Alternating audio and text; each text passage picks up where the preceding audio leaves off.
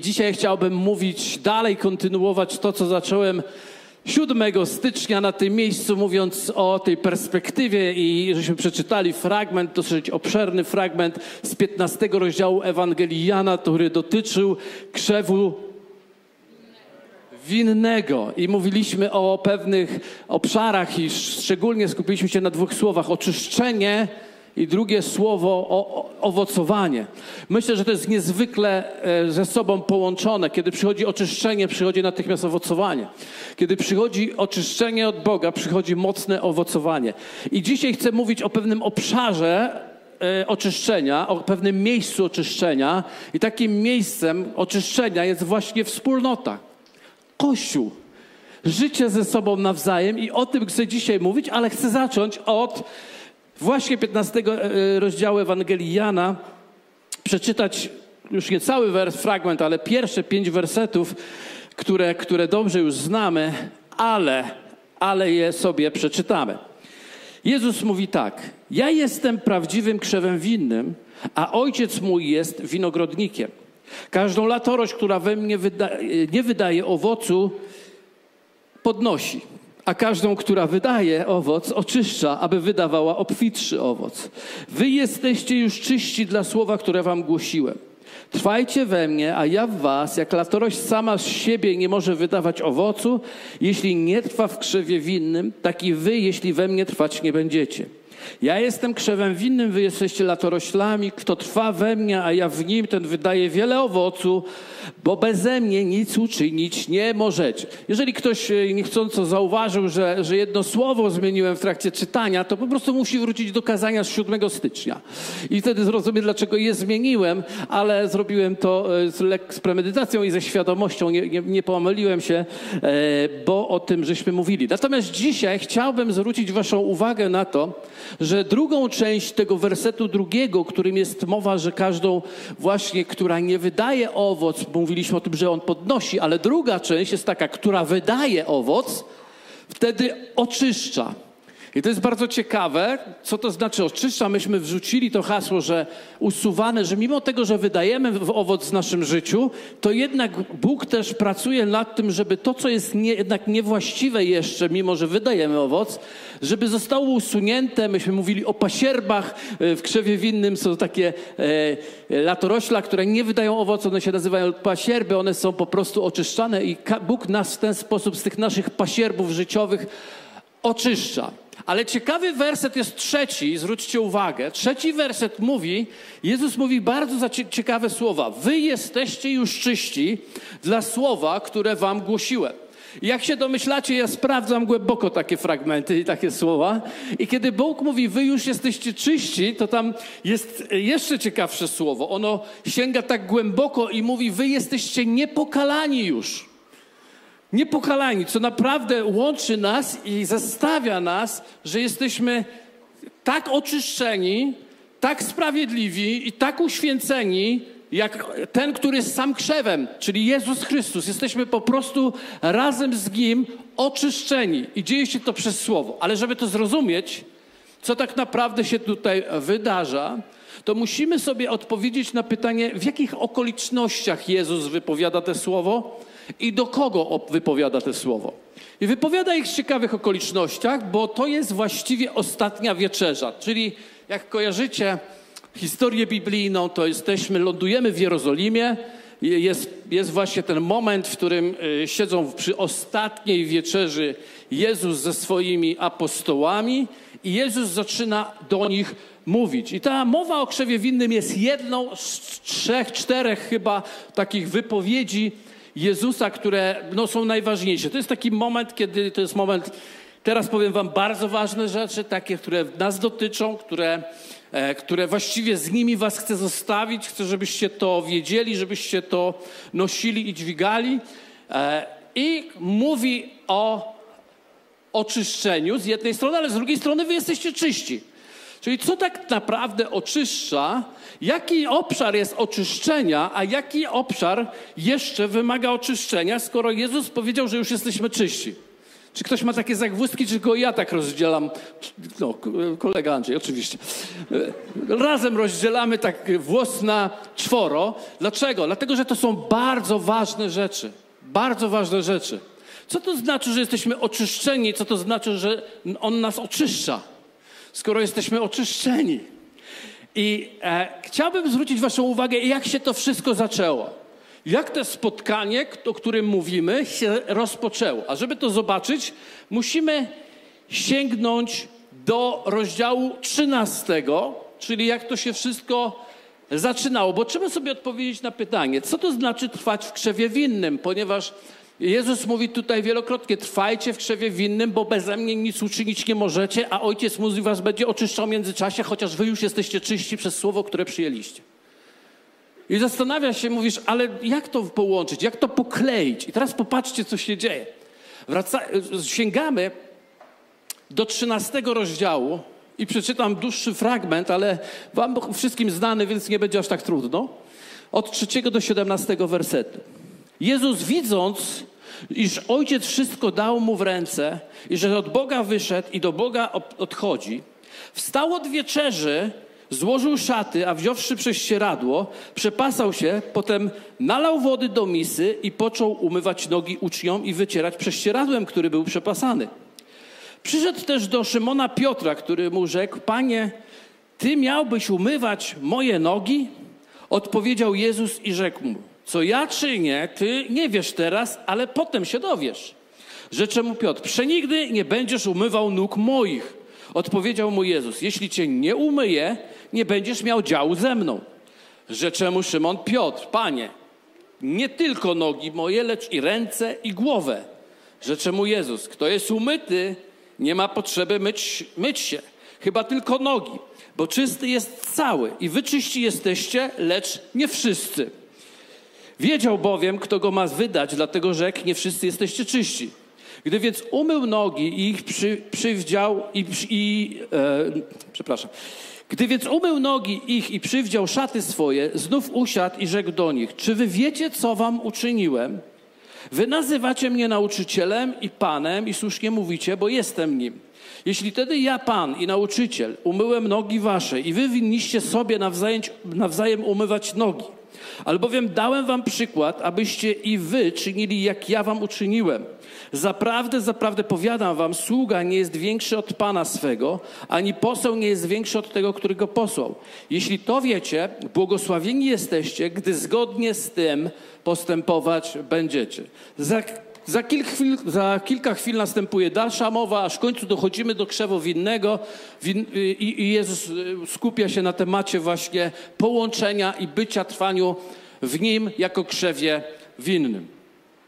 Ciekawa historia o umywaniu nóg. I chcę Wam powiedzieć, ponieważ my to znamy z różnych rzeczy, ale tak naprawdę umywanie nóg to nie jest czynność, którą, która jest jakąś liturgiczną czynnością, którą powinniśmy czynić w kościele, bo tak należy. Są takie nawet kościoły, są takie liturgiczne momenty, gdzie tak robią. Niemniej jednak to umycie nóg coś symbolizuje symbolizuje coś niesamowitego. Otóż mówi Jezus w pewnym momencie, chcąc im przekazać to, co jest najważniejsze, zaczyna używać obrazu obmycia, oczyszczenia. Oczyszczenia. Ja wiem, że jesteśmy skupieni akurat na tym, że on się aż tak głęboko uniżył, ale skupmy się dzisiaj troszkę też na tym, co on zrobił. On obmył nogi apostołom. On je mył. Dlaczego? Nie tylko dlatego, żeby pokazać uniżenie, chociaż to jest kluczowa sprawa w tym, ale również dlatego, żeby pokazać potrzebę oczyszczenia. Zwróciliście, co, co Jezus mył nogi, nikt się nie odzywał, aż przyszedł do szefa, czyli Piotra, apostoła i chciał mu umyć nogi i Piotr, no oczywiście co? Gdzie ty będziesz mi mył nogi? No, Panie Jezu, przecież Ty jesteś tak wielki, tak wyjątkowy. A on mówi, muszę Ci teraz umyć nogi, bo jak Ci nie umyję, nie będziesz miał we mnie działu. Zaraz, zaraz. To tak naprawdę nie chodziło tylko, żeby pokazać, jak się należy uniżyć, ale chodziło też o te umycie, czyli on coś duchowego przekazuje. Czyli oczyszczenie jakieś musi nastąpić. Więc kiedy Piotr usłyszał, że jak, jak mu nóg nie umyje Piotr, Jezus, no to nie będzie miał udziału, to nagle mówi, to wiesz co, to, to wszystko myj, wszystko myj. No i nagle Jezus mówi, hej, ale przecież jesteście czyści. Wow, czy to nam coś nie przypomina? Nie przypomina nam oczyszczenia, które przychodzi e, w 15 rozdziale Jana w krzewie winnym, a z drugiej strony Jezus mówi, jesteście czyści i tu też czyści, ale mówi, jesteście czyści. Co to oznacza? To oznacza, że my naprawdę jesteśmy oczyszczeni przez Boga, jesteśmy zbawieni, jesteśmy uleczeni z, naszych, e, z naszego grzechu, jesteśmy wolni od grzechu, już nie ma nic, co by mogło nas potępić. Czy wiedziałeś o tym? Niemniej jednak jest coś, co w 13 rozdziale jest napisane, że potrzeba jest, aby mieć umyte nogi jednak. I jest coś, co w 15 rozdziale jest powiedziane, że ten, który przynosi owoc, jest taki super, jest oczyszczony, żeby jednak oczyścić gałąź, która jednak przynosi już owoc.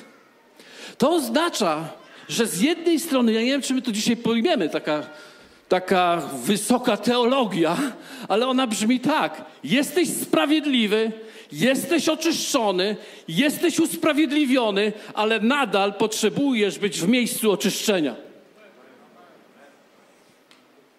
Jak to pojąć, panie? Ano tak to, i jeszcze to jest bardzo ciekawe. Jezus myjąc nogi swoim apostołom mówił tak: Widzicie, co wam uczyniłem? Teraz mówię do was. Jeżeli ja wam to uczyniłem, wy nawzajem powinniście sobie to czynić. Co nawzajem czynić? Czyli każdy z nas powinien być gotowy, żeby się uniżyć, tak? Zgodzicie się ze mną? Do tego stopnia, aby obmyć czyjeś nogi. Niech ktoś się zgodzi ze mną. Dobrze, dziękuję. Ale z drugiej strony każdy z nas potrzebuje oczyszczenia nóg. Wiecie, ja to robiłem. Były takie akcje, były takie momenty, były takie spotkania, gdzie e, proroczo, czy w jakimś takim e, akcie takiego wzmocnienia, czy wsparcia, czy duchowego, czy jakiegoś takiego przebywania we wspólnocie, obmywałem nogi i obmywali mi nogi. Uwierzcie mi, Dużo łatwiej byłoby mi, było mi myć czyjeś nogi, niż zdać moje. Ja je znam. Nic fajnego. Jakiś taki głęboki problem następował. Wiecie, to nie było łatwe, żeby komuś myć nogi, ale to nie był wielki problem dla mnie. Największym problemem było, kiedy to ja miałem dać obmyć nogi.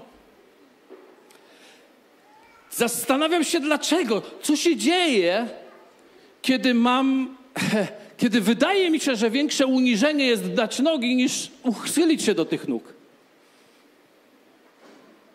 Co się dzieje? Okazuje się, że nie jesteśmy zbyt dobrzy, by dać się oczyszczać. Wolimy to zrobić sami. Kto woli sam myć nogi? No jak je podnosisz, to pójdę, zaraz umyję. Dlaczego? Taką mamy naturę, że kiedy mówimy o oczyszczeniu, chcemy to zrobić sami. A Jezus powiedział w 15 rozdziale Ewangelii Jana: Beze mnie nic uczynić nie możecie. To On nam oczyszcza nogi. W jaki sposób On nam to oczyszcza nogi? Zrobił to apostołom, apostołom powiedział, że mają to robić innym, a oni mówią innym, żeby robili to innym i dzisiaj doszło po dwóch tysiącach lat do nas i my jesteśmy powołani, aby myć nogi i jesteśmy powołani, aby dać nogi, żeby zostały umyte. Jezusowi, czyli komu? Tomkowi, Baśce, Julce, Markowi, bo Chrystus jest krzewem winnym, którego latorośle to my właśnie. My jesteśmy ciałem Chrystusa, powołanym, aby przyjść z obmyciem, oczyszczeniem do naszego, do życia innych ludzi. Dlatego Bóg wymyślił krzew winny. Krzew winny to nic innego jak wspólnota, jak Kościół, jak ciało Jezusa. List do Efezjan mówi w ten sposób, posłuchajcie, 4, 15 do 16. Lecz abyśmy, będąc szczerymi w miłości, wzrastali pod każdym względem w Niego, który jest głową w Chrystusa, z którego całe ciało, powiedzmy całe ciało, powiedzmy spojone i związane, przez wszystkie wzajemnie zasilające się stawy, według zgodnego z przeznaczeniem działania każdego poszczególnego członka rośnie. I teraz jest mocne. I buduje siebie samo w miłości. Co? Przecież myśmy się nauczyli, że to Jezus buduje nas w miłości. A tu jest napisane, że my jesteśmy poszczególni członkowie związani, e, e, spojeni, zasilający się wzajemnie, każdy według swojego przeznaczenia i razem z siebie samych budujemy w miłości. To oznacza, że nie ma możliwości bez tego połączenia wzrastać i oczyszczać się swoich nóg. Nie ma miejsca innego jak wspólnota, jak ciało Chrystusa, które daje nogi, gdzie można dać nogi, aby zostały oczyszczone. To się dzieje wzajemnie. To się dokonuje w nas samych. Dlatego teraz chciałbym Wam powiedzieć o tym, co jest istotą i co jest ważne i bardzo konkretne, praktyczne właśnie tutaj WDJ. Odwiedziliście, niektórzy odwiedzili, niektórzy są, niektórzy są częścią, niektórzy są gospodarzami wspólnoty chrześcijańskiej WDJ. Chcę powiedzieć, że ta wspólnota charakteryzuje się tym, że ma swoje wartości. My mamy swoje wartości i one są nieprzypadkowe.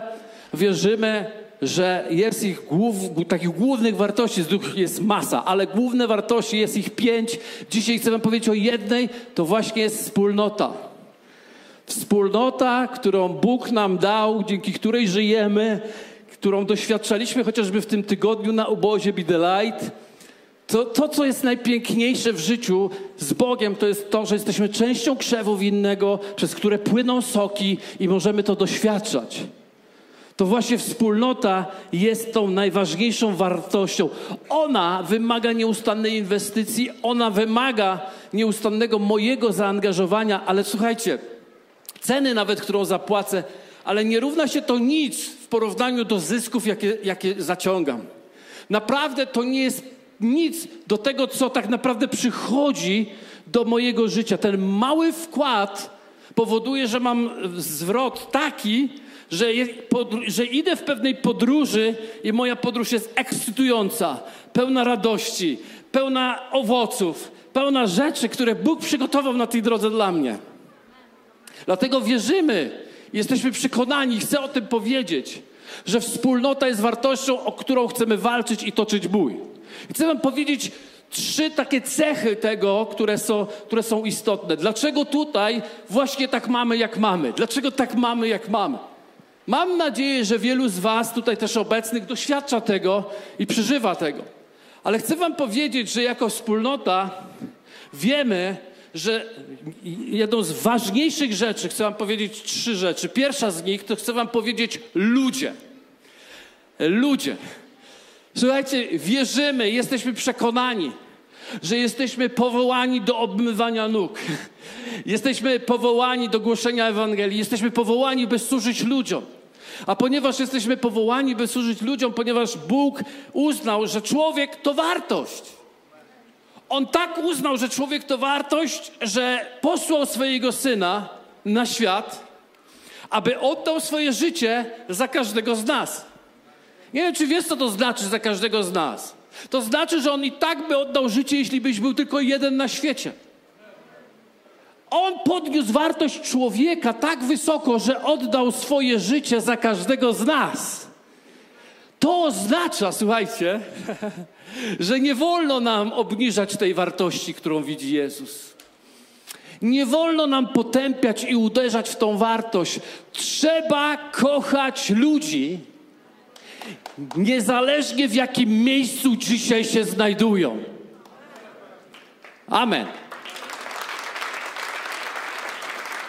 Tych bliskich i tych dalekich. A może nawet szczególnie dalekich rów, powinniśmy bardziej kochać ze względu na potrzebę, jaką, jaką mają, dlatego że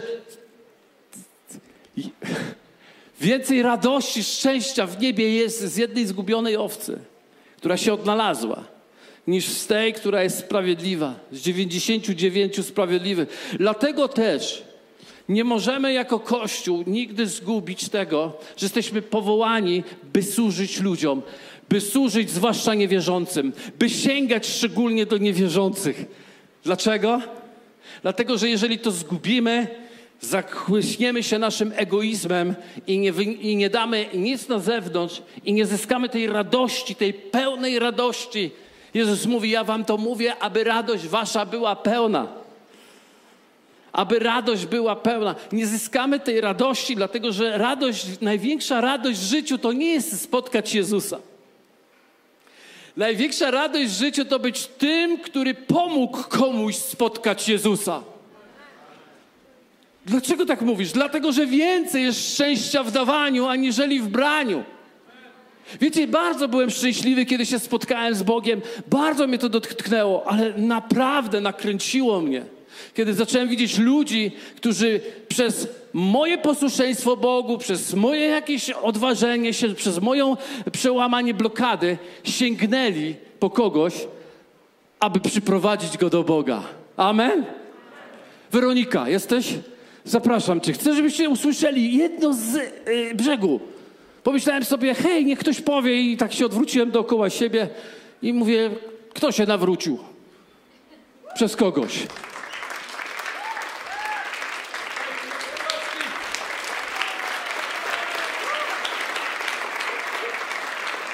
Dzień dobry. E, no to ja się nawróciłam dzięki mojej teraz przyjaciółce, przedtem to była mnie znajoma. E, głosiła mi Ewangelię, tak naprawdę mówiła mi o Bogu rzeczy, które jakby nie wiedziałam, że są prawdą i po prostu byłam wychowana w rodzinie katolickiej i nie wiedziałam, że po prostu Bóg jest żywy. E, I ona po prostu walczyła o mnie i nie tylko o mnie, ale również o moich przyjaciół. I zapraszała mnie na różne młodzieżówki do kościoła, ja tak niechętnie, no ale przez to, że miałam z nią relację i na przykład byłam u niej często w domu, to zostawałam też na noc i w niedzielę raz się tak stało, że poszłam do kościoła i bardzo mi wtedy dotknął Duch Święty. Wtedy bardzo płakałam i jakoś to tak zostawiłam i potem ona się cały czas o nas modliła, cały czas i po dwóch latach e, wszyscy razem w szóstkę wzięliśmy chrzest Duchem Świętym i jakby i wodny, więc jakby super jest to, że ona tak bardzo o nas walczyła i jakby widziała właśnie u nas tą wartość, o której mówi pastor, no i myślę, że warto też walczyć po prostu o ludzi. Tak. Amen. Halleluja.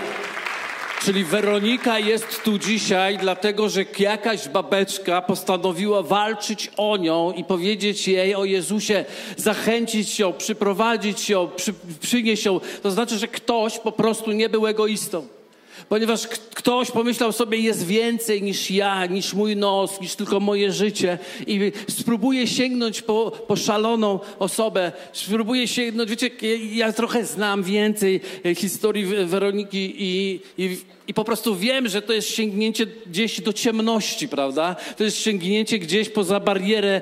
To nie była zwyczajna uczennica, ona siedziała w jakiejś tam ciemności. Pewnie kiedyś nam wszystko powie, ale ktoś sięgnął, ktoś się zdecydował, ktoś nie czuł oporu. O, ja z takimi to się nie zadaję, bo ja się zadaję tylko ze świętymi i sprawiedliwymi. Nie, to jest błąd, bo być częścią tego miejsca, być częścią tutaj tej atmosfery, to jest być częścią, być świadkiem Jezusa Chrystusa. Być świadectwem, że Jezus jest Panem i my się nie zadowolimy naszą grupką.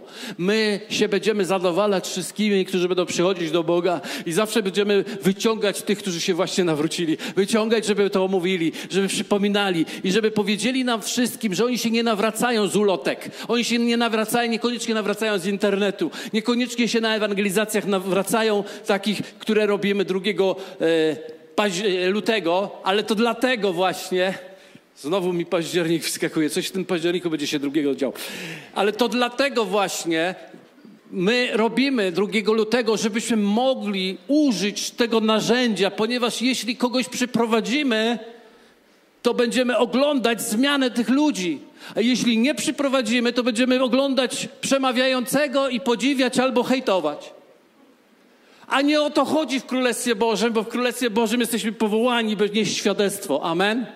Dlaczego? Bo ludzie są ważni. Jacy ludzie? Wszyscy ludzie. Tacy najgorsi, najgorsi są jeszcze ważniejsi. Bo tam, gdzie jest ciemność, tam światło się zapala. Tam, gdzie jest niemożliwość, tam Bóg mówi, jest możliwe. Tam, gdzie nikt, wszyscy kładą krzyżyki, Bóg przynosi zmartwychwzbudzenie, skrzeszenie. Bo On jest Panem, On jest życiem i On jest źródłem naszego życia. Drugą częścią, drugą częścią z tych trzech, które mówimy tutaj i, cenimy jako wartość w naszym kościele, to są rodzinne relacje. Rodzinne relacje. To, to, co to oznacza? Wierzymy, że nie jesteśmy tylko zorganizowaną grupą, że mamy tylko niedzielne nabożeństwa. Ja zdaję sobie sprawę, że niektórzy tu obecni może myślą sobie, WDJ to niedzielne nabożeństwo, ale to nie jest prawda. My nie żyjemy jedynie przez niedzielne nabożeństwo. Niedzielne nabożeństwo jest wyrazem naszej manifestacji, naszego zebrania się razem, ale my żyjemy przez wiele różnych wymiarów. Mamy grupy domowe, mamy grupy służb, mamy przeróżne działania, których się spotykamy, funkcjonujemy, żyjemy i nie tylko na zasadzie e, kościelnej, ale na zasadzie tak naprawdę rodziny. My się razem wspieramy. To jest miejsce, które sprawia, że mamy poczucie, że nie jesteśmy sami i że komuś zależy na nas. To jest nowa, nowy wymiar dla nas, codzienny, nie tylko niedzielny, tak jak już powiedziałem. To jest możliwość udzielania i przyjmowania wsparcia. To jest miejsce, gdzie nazywamy się rodziną, mówimy o sobie, że jesteśmy rodziną. I chcę, żebyście. A co to znaczy, że jesteśmy rodziną? To oznacza, że być częścią tego miejsca być częścią tego miejsca to być częścią rodziny. Absolutnie rodziny. Chciałbym, żebyście posłuchali teraz Dorotki. Dorotka, zapraszam Ciebie. Też wyrwana przed spotkaniem tako z marsza. Ja mam na imię Dorota i jestem tutaj z moim mężem Krzysztofem. Nasze małżeństwo i nasza rodzina doświadczyło naprawdę bardzo mocno tego, czym są rodzinne relacje w tym kościele. Przeprowadziliśmy się tutaj z Warszawy już kilkanaście lat temu i byliśmy tylko we dwójkę. E, chcieliśmy mieć dzieci, ale jakoś nie za bardzo nam to szło. I w pewnym momencie podjęliśmy decyzję o tym, że zaadoptujemy dziecko. E, więc przeszliśmy kilkumiesięczny kurs adopcyjny, e, no i czekaliśmy. I e, kiedy się adoptuje dziecko, to trudność jest taka ogromna w przygotowaniu się do tego, bo możesz określić jakieś widełki wiekowe, możesz też określić płeć, ale myśmy tego akurat nie zrobili, więc nie wiedzieliśmy, czy to będzie chłopiec, czy dziewczynka, czy to będzie bardzo małe dziecko, czy kilkulatek. I mm, pewnego dnia w sierpniu y, otrzymaliśmy telefon, że y, czeka, jest, jest pewien chłopiec i, i zostaliśmy zaproszeni do tego, żeby go poznać.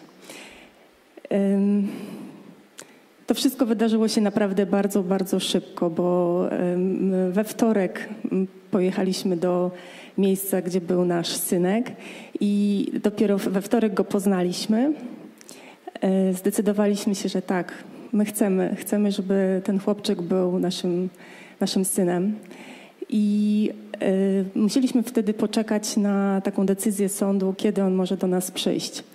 I tą decyzję otrzymaliśmy trzy dni później, dosłownie w piątek rano. Dostaliśmy telefon z sądu. Dzisiaj y, Jasiu może do Was przyjść, możecie go dzisiaj odebrać i my nie mieliśmy naprawdę nic. Wtedy oboje pracowaliśmy, e, też e, kończyliśmy budowę domu, więc e, naprawdę mieliśmy mnóstwo, mnóstwo rzeczy do zamknięcia i nie mieliśmy dosłownie nic, żeby przyjąć nas, naszego synka. I kiedy dostaliśmy ten telefon z sądu, poinformowałam jedną z dziewczyn, że tak, dzisiaj, dzisiaj będziemy mieli to dziecko. I wiecie, to, to, co nastąpiło później, to właśnie było ta po prostu ogromna eksplozja jakiejś miłości i takiej troski o nas.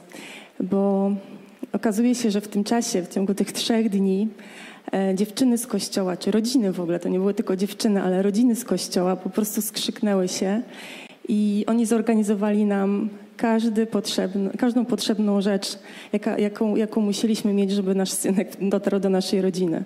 Więc dostaliśmy dosłownie listę rzeczy, e, gdzie, pod jakim adresem czekają na nas poszczególne rzeczy. W jednym miejscu czekał na nas wózek, fotelik do samochodu, ubrania, e, zabawki, e, wszystko. Naprawdę otrzymaliśmy wszystko. Więc e, po tym telefonie wsiedliśmy w auto, w dwie godziny objechaliśmy Wrocław i okolice i wróciliśmy do domu i byliśmy już gotowi na przyjęcie naszego synka. I wiecie, my jesteśmy oboje spoza Wrocławia, więc nie mamy tutaj żadnej babci ani cioci takiej, wiecie, z krwi. I tak naprawdę właśnie e, ludzie z kościoła są naszą najbliższą rodziną. Właśnie ciocie z kościoła, wujkowie z kościoła to są najbliżsi wujkowie i ciocie naszych chłopców, bo mamy ich dwóch. Przy drugim naszym synku również doświadczyliśmy takiej ogromnej troski.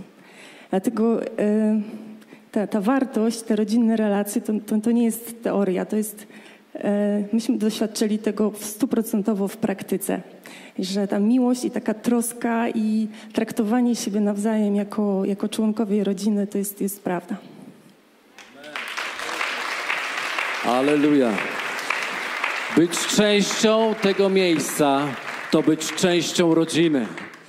I wiecie, ja rozumiem, że w takiej dużej grupie nie wszyscy będą ze sobą się czuli jak w rodzinie, ale wiecie, mamy też e, mamy małe grupy domowe, gdzie naprawdę tam się dzieje, bo to, co Dorotka doświadczyła, to ona, czy Krzysiu też, oni doświadczyli po prostu e, kogoś, z kim byli bardzo blisko w relacji połączeni. To nie było działanie kościelne, odgórne, zadecydowane, przeszło przez biuro, podpisał pastor, pastorowa i jeszcze paru liderów, tylko to było działanie ludzi. To było działanie ludzi. My się wiele razy tego uczymy, bo ludzie potrafią w kościele, lubią przyjść do mnie i powiedzieć, Kościół powinien się zająć tym. Ja mówię, no to świetny pomysł. Okej. Okay. Do dzieła. Co to znaczy Kościół powinien się zająć tym, że ktoś w biurze, ktoś lider, pastor najwyż, najle, najlepiej jakby właśnie zrobił to, co ten ktoś chce, żeby zrobić. A ja sobie myślę, no już skoro to ty to usłyszałeś, ty to zobaczyłeś, to ciebie Bóg powiedział, to co ja mam w twoją służbę wskakiwać? Amen? Wiecie, wspaniały przykład. O, tutaj, tu, u nas był. Stoję kiedyś, to było jeszcze w tamtej sali, tam w tamtej hotelowej. Stoimy, jest uwielbienie, ktoś trwa. Podchodzi do mnie młody chłopak. Mówi, pastorze, pastorze, w czasie uwielbienia. Ja mówię, słucham, tam z tyłu, tam ktoś rozlał chyba kawę. A ja mówię, aha, i co? Trzeba to pościerać. Ja tak stoję i wiecie, nie wierzę. I mówię do niego, a słuchaj, a zauważył to ktoś jeszcze? Chyba nie. Ja mówię, ty, Bóg ciebie wybrał jedynego. Z całego kościoła. Żebyś tobie to pokazać. Jak myślisz, dlaczego? A on tak patrzy i mówi, chyba, żebym to starł. A ja mówię, Ojcu, niech będą dzięki, bo nie ciało i krew ci to objawiły. Ale Bóg, który jest w niebie. Amen? To jest to. To jest to. Dlatego też Tutaj, e, wiecie, w każdym kościele są członkowie, ale my lubimy siebie nazywać gospodarze, bo gospodarz to jest ten, który bierze odpowiedzialność, ten, który niesie. Na przykład jako członkowie kościoła e, mamy spotkanie dla gospodarzy, które tu mamy zawsze pół godziny przed nabożeństwem niedzielnym. Mamy tutaj wieczerzę pańską. Też doświadczyłem dzisiaj rodzinnych relacji, bo e, mam swoją piękną białą bluzę, którą oblałem sobie winem przed wieczerzą. Nie, że piłem, tylko przewróciłem. E, I, i, I wiecie, i nie wiedziałem co zrobić i nagle Agnieszka, która tam y, zajmuje się Babylandem, ona zostawia tobie, że moją bluzę i pierze. Rozumiecie, w łazience. Bo jakiś wrzątek organizuje.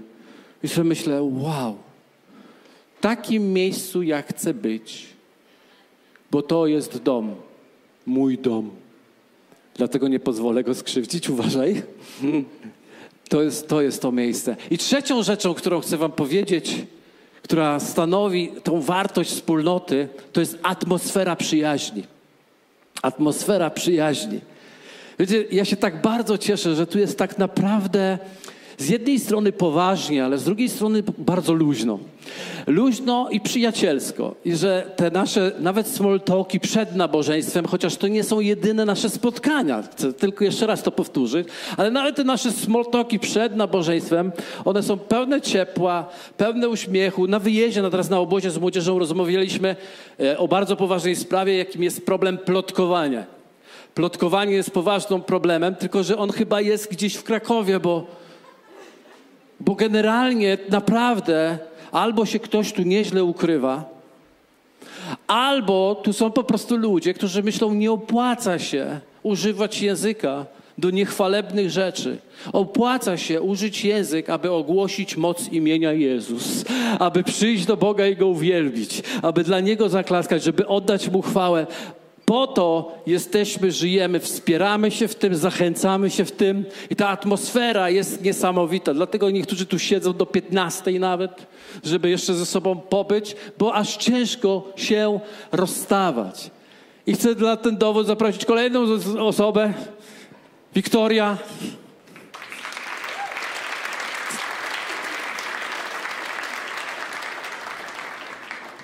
E, cześć.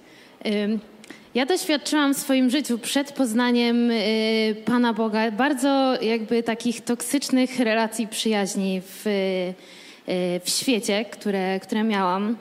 Y, była grupka przyjaciół, którzy po kilku latach okazali, okazało się, że podkładało sobie świnie, żeby na przykład zdobyć pieniądze ze studiów i, i nie wysyłali na przykład jakichś różnych, różnych notatek albo usuwali, kiedy trzeba było Y, zdać egzamin i tak dalej. I po prostu to była rzecz, y, która bardzo dotknęła mnie w moim życiu. I kiedy się nawróciłam, ja się nawróciłam w kościele katolickim i y, bardzo brakowało mi tego, że nie ma w kościele takiego jednego miejsca, takiego do, do budowania. I jak trafiłam właśnie do kościoła tutaj takiego, to bardzo dotknęło mnie to, że to jest grupa ludzi, którzy, którzy coś tworzą, którzy są ze sobą, którzy widują się tydzień w tydzień, tydzień w tydzień i rok po roku. I ja pierwszy raz, jak przyszłam na spotkanie, to od razu zaczęły podchodzić do mnie osoby, zaczęły się interesować. Po prostu większość z Was tak naprawdę jest kimś, kto ma znaczenie w moim życiu. Yy, mogę powiedzieć, że yy, mam tutaj przyjaciół, ale mam też yy, taką, nie wiem, mamę, ale mam babcię. Po prostu każdy z Was po prostu mówi do mojego życia i ja też bardzo to doceniam. Na samym początku na przykład y, nikogo nie znałam, a, a jest tutaj na przykład Bochen, który powiedział, o, chodź, pójdziemy na kawę. Albo y, Jędrek, który powiedział, co robisz w życiu? I tak każdy z was po prostu po kolei podchodził, mówił. Jak na przykład był COVID i ja siedziałam miesiąc zamknięta w domu, to zebrała się ekipa, nie wiem, 30-20 osób i przyjechała dać mi kwiaty. I po prostu stali pod, y, pod furtką i dali mi kwiaty i coś tam jeszcze, po prostu, żeby być ze mną, spędzić ze mną czas kilka metrów od siebie. I bardzo to doceniam i po prostu y, to, jak tutaj mamy, to jest wielki, wielki dar.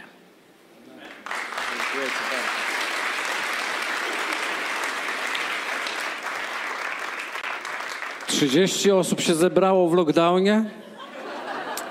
Dobrze wiedzieć. Być częścią tego miejsca to być przyjacielem. To być przyjacielem. Wiecie, są ludzie, którzy mówią, ale ja nie mam przyjaciół. Żeby mieć przyjaciół, trzeba być przyjacielem. I wierzę, że ktoś mówi, ale jak być przyjacielem? Zacznij od prostej rzeczy, od szacunku. Od szacunku. Szacunek do drugiego człowieka przyciąga. Kiedy zaczynasz rzeczy szanować, ludzi szanować, przyciągasz ludzi, ponieważ każdy pragnie y, zobaczyć, że stanowi jakąś wartość. Jeśli ty zaczniesz widzieć wartość w ludziach ludzi, w innych ludziach, ludzie zaczną widzieć wartość w tobie. Szacunek. Coś jeszcze tak, współczucie. Naucz się współczucia. Kiedy nauczysz się współczucia, będzie zawsze pełno ludzi wokół ciebie. Coś jeszcze tak, służebność, pokora. Bądźmy dla siebie nawzajem. To jest to, co tu cenimy. A ponieważ rośniemy dosyć szybko i dynamicznie, musimy to przypominać. Musimy mówić o tym, że właśnie te części, te cechy są najważniejsze. I wierzę, że nie jesteśmy po prostu organizacją. Wierzę, że jesteśmy żywym organizmem którego, które można dostrzec i dostrzegamy miłość, wzajemną obecność Boga przez to, przyjaźń, ludzie są dla nas ważni. Kiedyś Bóg mi powiedział: Nigdy nie buduj dużego kościoła, buduj wielkich ludzi. Nie wielki kościół, tylko wielkich ludzi. Kiedy zbudujesz wielkich ludzi, będzie wielki kościół i wielka manifestacja chwały Boga, bo kościół jest krzewem winnym, kościół jest oblubienicą Pana, Kościół jest tym, gdzie głową jest Jezus Chrystus. On jest wielką głową, więc przyjdzie po wielki Kościół, a nie wielka głowa przyjdzie po małego karakana. Nie. Wielka głowa, wielki, wielki Kościół musi się dopasować do wielkości swojego Pana, ale to się stanie przez budowanie siebie i budowanie innych jako wielkich ludzi i będziemy widzieć chwałę chwałę, jaką ten świat po, po, potrzebuje zobaczyć i dostrzec w imieniu Jezusa. Amen.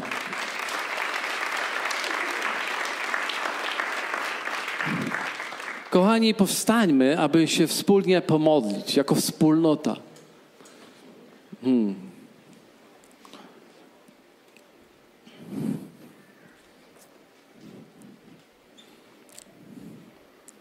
Wiecie, ktoś kiedyś powiedział, że siłą wspólnoty Kościoła jest to, że w niedzielę można stanąć razem i nawet chwycić sąsiada za rękę w, takiej, w czasie takiego nabożeństwa. Chciałbym Was zachęcić, żebyś popatrzył do kogoś, może nie, nie musisz od razu na obcego się rzucać, ale ale może ktoś jest dla ciebie bliski tutaj i możesz go schwycić za rękę. Chcieli, chcielibyśmy podziękować Bogu przez chwilę za wspólnotę, za Kościół, za krzew winny, za oczyszczenie, które przychodzi tutaj w wspólnocie. Dlatego, że pomimo tego, że to jest, że ludzie to są wartością, są ludzie, rodzinne relacje są obecne i atmosfera przyjaźni, no to wszystko tak naprawdę jest po to, żeby obmyć sobie nogi i żeby przyszło oczyszczenie tam, gdzie powinno przyjść. To jest miejsce oczyszczenia, to jest miejsce uzdrowienia. Jeżeli my tego oczyszczenia nie będziemy mieli, nie będziemy mieli udziału w Jezusie. Tak powiedział. Dlatego prosimy Cię, Duchu Święty, abyś teraz. Dziękuję Ci za wspólnotę i dziękuję Ci za to, co ona stanowi w naszym życiu i jak jest ważna w naszym życiu abyś przyszedł i ożywił nas, jeszcze bardziej wzmocnił tą wartość Kościoła, jaką jest wspólnota, żebyśmy tym żyli jeszcze mocniej, jeszcze więcej i żebyśmy stali się e, tymi, którzy widzą ludzi, stali się tymi, którzy siebie rozumieją jako rodzinę, gdzie nasze nabożeństwa, spotkania, wydarzenia, obozy traktujemy jak zjazdy rodzinne tak, żebyśmy to traktowali. Sprawa, abyśmy się stali gospodarzami w tym miejscu, nie tylko takimi chodzącymi do kościoła, chadzaczami, ale gospodarzami. Abyśmy mogli troszczyć się o tych, którzy tu przychodzą, którzy, których tu Pan przysyła, szczególnie zranionych, pobitych, skrzywdzonych, abyśmy mogli się o nich troszczyć i dać im ochronę niesamowitą. Ale też modlimy się też o to, żebyśmy głosili Ewangelię jako wspólnota, żebyśmy sięgali żebyśmy do tej naszej wspólnoty z Bogiem wciągnęli jak największą grupę ludzi również, dlatego że chcemy spustoszyć piekło, a zaludnić niebo. To jest nasze marzenie, Panie. To jest nasze marzenie, to jest nasze pragnienie. Chcemy to oglądać. I proszę Cię również o tą przyjaźń. Niech się, niech się rozlewa przyjaźń, bo relacje w Biblii to przyjaźń. Nie ma koleżeństwa w Biblii. W Biblii jest przyjaźń, jest przymierze relacji, jest bycie ze sobą, jest płacenie ceny, jest poświęcenie, jest wspólny płacz, wspólny śmiech, wspólny smutek i wspólna radość. Tego wszystkiego chcemy doświadczać dokładnie w tym miejscu. Chcemy kochać i być kochanym, czuć się kochanym. Chcemy czuć się wartościowym, ale chcemy też, żeby sprawiać, by inni czuli się wartościowi. Chcemy przyprawiać piórka tym orłom, których postawiłeś to w tym miejscu. Chcemy, aby obrośli również w piórka, dzięki czemu będą mogli wznieść się wysoko w swoim życiu. Będą mogli szybować ludzie, osiągać to, do czego ich powołałeś, do czego ich wezwałeś. Panie, dziękuję Ci, że miejsce, w którym jestem, to nie kurnik, to przestworza nieba, po którym mogą latać orły, a nie kury w kurniku. Dziękuję Ci, Panie, za tych orłów. Dziękuję Ci za tych soko orły i sokoły. Bądź uwielbiony, Jezu. Niech Twoje imię będzie wywyższone na tym miejscu. Dziękuję Ci za Wrocław dla Jezusa. Dziękuję Ci za każdego członka gospodarza. Dziękuję Ci za każdego, co nas dzisiaj odwiedza, za wszystkich, którzy z nami są i tych, którzy są w internecie też połączeni i dzisiaj czują się z nami, wspólnotę tworzą. Niech Bóg będzie wywyższony i uwielbiony. Amen. Dzięki za odsłuchanie podcastu Kościoła Wrocław dla Jezusa. Przesłanie było dobre, prawda? Gwarantujemy, że to nie tylko teoria. Teraz Twój ruch, by zastosować je w swoim życiu. Jeśli chcesz dowiedzieć się o nas więcej, odwiedź stronę wdj.pl. Do usłyszenia!